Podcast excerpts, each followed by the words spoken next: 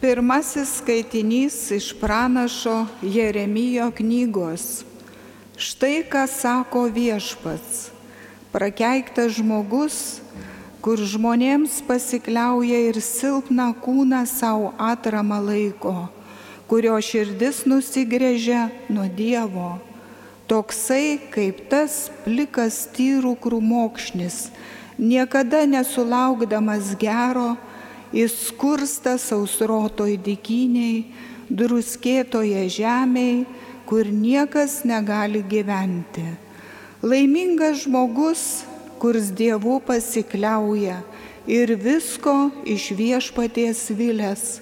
Jisai, kaip tas medis prie upės sodintas ir leidžias šaknis į drėkinamą žemę, jam nieko nereikia bijotis ne kaitrai užėjus žaliuoja jo lapai, sausringų metų jisai nepabūksta ir vedęs vaisius nenustoja. Perdėm jam klaus, klastinga širdis ir sugedusi, kasgi ją perprasti gali. Aš viešpats perprantu širdį ir ištyriu inkstus, įdant kiekvienam atsilyginčiau pagal jo kelius, pagal darbo vaisius. Tai Dievo žodis. Dėkojame Dievui.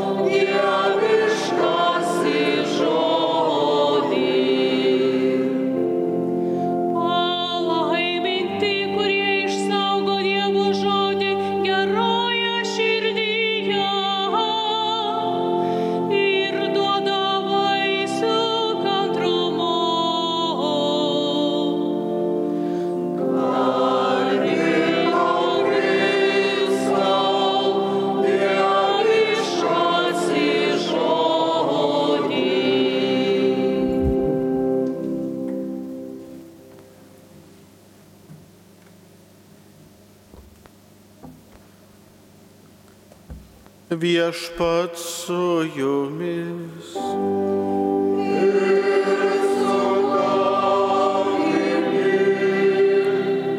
Pasiklausykite Šventojios Evangelijos pagal Luką.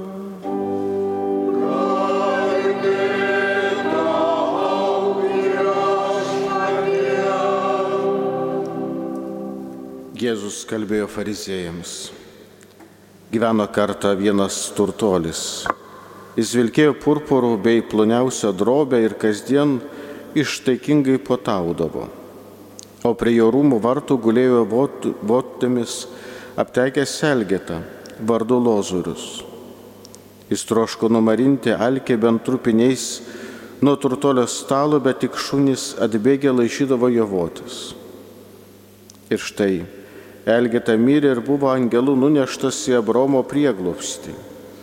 Mirė taipogi turtuolis ir buvo palaidotas. Atsidūręs pragaro kančiuose, turtuolis pakėlė akis ir iš tolo pamatė Abraomą ir jo prieglopstį Lozorių. Jis sušuko, Tėve Abraomai, pasigailėk manęs. Atsiusk čia Nailozorių, kad suvilgęs vandenyje galą piršto atvesintų man liežuvį. Aš baisiai kenčiu šitoje liepsnoje.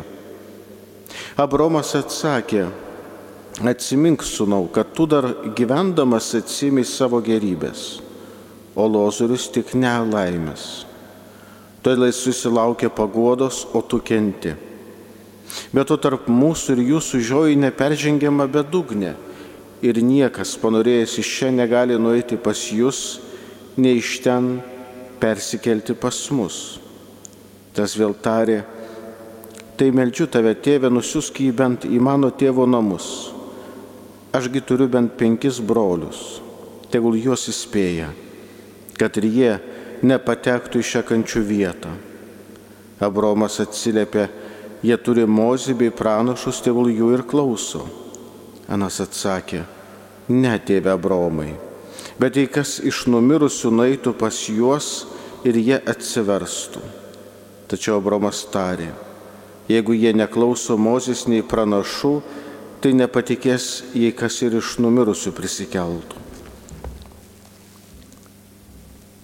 Girdėjote viešpatės žodį. Šlovė tau, Kristau. Dar kartą nuoširdžiai sveikinu visus Marijos radio klausytojus, visus brolius seseris Kristuje, kurie šią akimirką esate čia bažnyčioje, esame gavėnios kelionėje ir girdime Evangelijos ištrauką apie Lozorių. Girdime apie Elgetą, kuris gyveno šalia turtingo žmogaus, kuris potaudavo, gyvendavo savo malonumui. Ir štai matome, kad ta tikrovė, kuri mūsų visų laukia, jinai yra priešinga tai tikroviai, kurią mes čia galime žemėje turėti. Prieš keletą dienų turėjau pokalbį su vienu kunigu, kuris jau daug metų tarnauja Italijoje, tarnauja vienoje parapijoje, kurioje turi prieglaudą neįgaliems vaikams, vaikams su negale. Ir tas kunigas pasakoja tokį labai gražų liūdėjimą apie vieną mergaitę, kuri dabar yra apie 16 metų turi, pasakojo, kad ta mergaitė jau gimė su labai rimta negale, fizinė negale. Ir kai jos tėvai sužinojo, kad jų dukrytė turės labai rimtą negalę ir tiesiog paėmė ir atsisakė tos mergaitės. Tokiu būdu ta mergaitė pateko į tos parapijos, tos parapijos teritorijoje esančią katalikišką prieglaudą, kurioje gyvena iki šioliai. Ta mergaitė, būdama dešimties metų, priemė pirmąją komuniją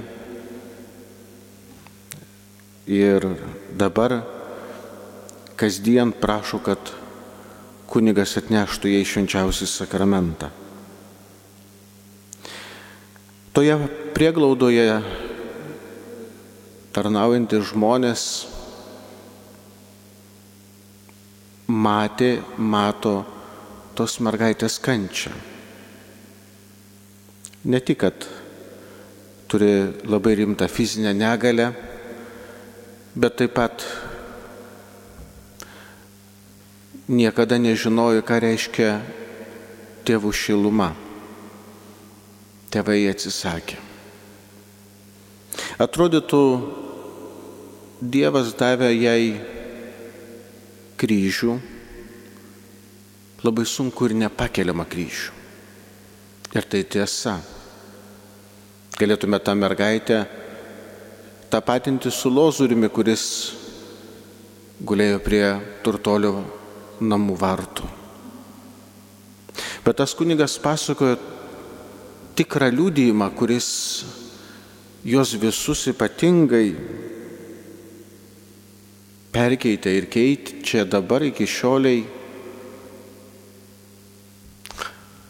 Po to, kai mergaitė pirmą kartą priėmė viešpatį Jėzų į savo širdį, jinai ypatingai prisirišo prie Eucharistijos.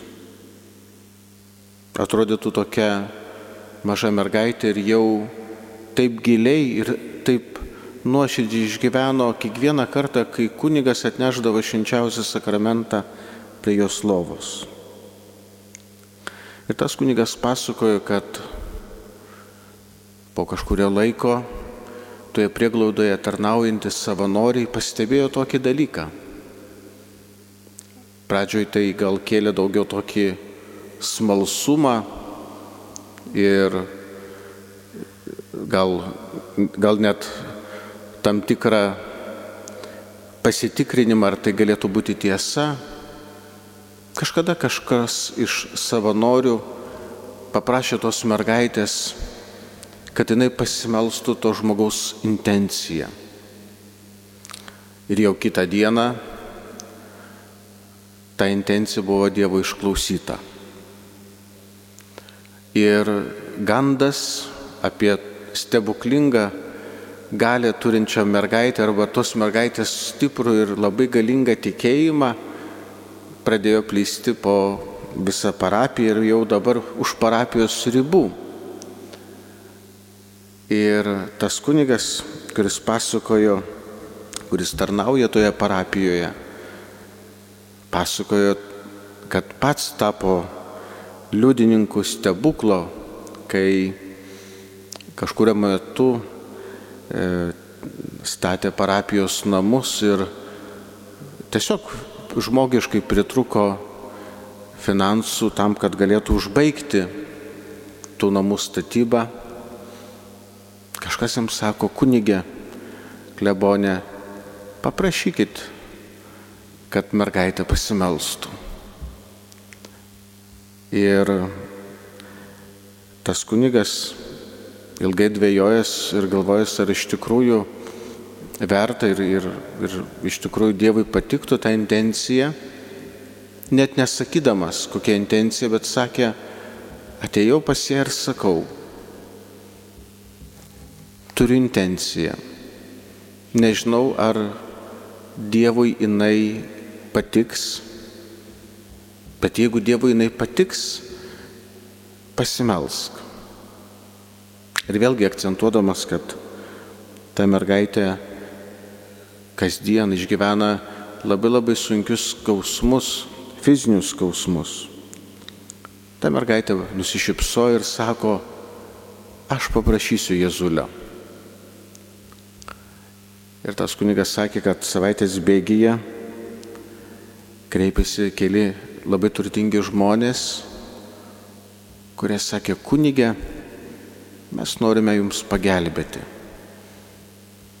Matome, kad vyksta parapijoje statybos, gal mes galėtume paremti. Ir aišku, jau dabar plūsta žmonės iš visos viskupijos ir apylinkių prašyti tos mergaitės užtarimo pas Dievą, prašyti, kad jinai pasimelstų. Aišku, daugelį intencijų yra prašant atsivertimo malonės, tikėjimo malonės. Bet tai dar kartą parodo, kad toje žmogiškoje negalioje, kurią galime matyti žmonių akise, juk net patys artimiausi, tai yra teveliai, kai ta mergaitė gimė, išsižadėjo jos. Nebuvo reikalinga kaip našta. Ir matome dabar, gyvendama, augdama, išgyvena, neša savo gyvenimo kryžių. Bet Dievas leidžia jai daryti stebuklus. Dievas leidžia jai išprašyti malonės, kurias žmonės ateina ir prašo. Tai dar kartą parodo, kad ta žmogiškoji logika, kurią taip dažnai mes vadovaujamės, mėlyjeji, Dievo akise jinai yra kitokia. Mes taip dažnai galvojame, kad tik tobulas, šventas, pamaldus, pamaldžiai atrodantis žmogus gali Dievo akise būti labai vertingas. Bet štai matome, kad Dievas leidžia žmogui patirti vieną ar kitą išbandymą, sunkumą, kančią, nešti savo asmeninį gyvenimo kryžių ir su to tikėjimu galima daryti stebuklus. Dievas daro stebuklus, žmogus yra tik jo rankos, tos matomos rankos. Ir iš tikrųjų mes, mėlyje, popiežiaus pranciškaus enciklikoje Lumen Fidei apie tikėjimą, galime skaityti tokią labai gražią mintį, kuri iš tikrųjų turėtų visiems mums būti šiai gavėniai ypatingai reikšminga. Popiežius Pranciškus sako, Korinto krikščionims rašydamas apie savo sunkumus ir rūpešių šventasis Paulius savo tikėjimą susiję su Evangelijos skelbimu. Jis sako, kad jame išsipildė rašto žodžiai. Aš įtikėjau, todėl prakalbėjau. Apaštalas galvoje, galvoje turi 116 psalmės ištarą, kur psalmininkas sušunka. Pasitikėjau, net kai skundžiaus, esu baisiai kančios prislėgtas. Ir popiežius Pranciškus šioje savo enciklikoje sako, kad kalbėti apie tikėjimą dažnai reiškia kalbėti ir apie skausmingus išbandymus. Tačiau kaip tik čia šventasis Paulius regi galimybę įtikinamai skelbti Evangeliją. Nes būtent silpnume ir kančioje aikštėn iškyla ir atrandama Dievo jėga nugalinti mūsų silpnumą ir kančią. Ir pats apaštalas išgyvena merdėjimą krikščionims tampantį gyvenimu. Išbandymų valanda mums šviečia tikėjimas ir būtent kančioje bei silpnume paaiškėja. Mes ne save pačius skelbėme, bet Kristų Jėzų kaip viešpatį. Tad, mėlyji, linkiu visiems mums, kad mes šį gavėnios kelią link Velykų slėpinio. Išgyventame su tikėjimu ir pasitikėjimu, pasitikėdami viešpačiu. Laimingas žmogus, kuris pasitikė viešpačiu. Laimingas žmogus, kuris sudeda savo visą gyvenimišką kančią, išmėginimus, išbandymus į mylinčio ir gailestingo Dievo rankas laimingas žmogus, kurio jėga yra Dievas. Šiandien, mėlyji, pasauliui ir kiekvienam iš mūsų reikia Dievo. Daugiau nieko. Šiandien kiekvienam iš mūsų reikia autentiško, nuoširdaus ir gyvo susitikimo su kenčiančiu ant kryžiaus Jėzumi, kuris nori, kad mes turėtume gyvenimą, kad apšiai jo gyvenimą turėtume. Šiandien, mėlyji, daug girdime ir daug svarstome apie tai, kokiu būdu galime dar labiau pasauliui kalbėti apie Dievą kaip meilę, apie Dievą kaip tą, kuris ateina į mūsų sunkumus gyvenimus. Tikrai tikiu, žinau ir pažįstu žmonės, kurie dabar savo namuose klauso mūsų šventų mišių ir dalyvauja dvasiškai šiuose mišiuose. Vieni iš jų yra palaidoję savo vaikus, kiti galbūt nuo pat mažų dienų yra sergantis sunkia ir nepagydoma lyga, treti galbūt netekę darbo arba yra vienai par kitaip išgyvenantis šeimų šeimos krizę arba skirybų krizę. Mėlyje, kiekvienas iš mūsų turime savo kryželį, turime savo gyvenimišką ir pašaukimo kryželį. Ir šiandien žodžio liturgija dar kartą kviečia mus, vėlgi žvelgiant į tą galbūt labai primityvų ir paprastą, iš karto atsiprašau už tą galbūt paprastą ir primityvų pasakojimą apie tą mergaitę. Bet mėlyjeji, žmonių akise ta mergaitė buvo ne tik, kad nedovana, bet greičiausiai jos tevelį išsigando tos naštos, kokią jinai galėjo jiems sukelti, negalvodami, kad tai yra dovana. Ir taip dažnai galbūt mes irgi nuvertiname save galvodami, kad jau mano malda galbūt Dievui ne visai patinka, galbūt esu dvasiškai nusilpęs, galbūt per mažai esu tikintis, per mažai lankau bažnyčią, per mažai augų darybėse. Bet dar kartą Dievas parodo, kad mūsų kančia, kurią mes taip pat aukojame su tikėjimu ir tikėjime, jinai duoda vaisių. Jinai duoda visus tuos didžiausius pasaulio rezultatus, kuriuos galime pasiekti. Ir mėlyji, piktojo polimas ir bandymas mus gazdinti, mus įbauginti, atitolinti nuo Dievo, kuris yra meilė. Tegul šis gavėnios laikas visiems mums būna ženklas ir simbolis, kaip Švento Arkangelo Rapolo vardas reiškia Dievas gydo. Linkiu visiems mums šiandien šią Švento Arkangelo Rapolo bažnyčioje švenčiantiems Euharistijos slėpinį išgyventi taip pat tą Dievo gydimo terapiją. Pajauskime, kad Dievas mus myli. Pajauskime, kad Dievas mums atleidžia. Pajauskime, kad Dievui nėra negalimų dalykų ir nėra tų šarvotų durų, per kurias Dievas negali pereiti mūsų širdis taip dažnai gali taip pat būti tomis durimis, bet mes patys turime jas atrakinti. Dievas nori laisvės žmoguje, kad žmogus laisvai pasirinktų. Mėlyje visiškai pabaigai. Neždami savo gyvenimišką kryžių, koks jis būtų sunkus ir nepakeliamas, aukokime už pasaulį, aukokime už visų mūsų nusidėjėlių atsivertimą. Aukokime už bažnyčią.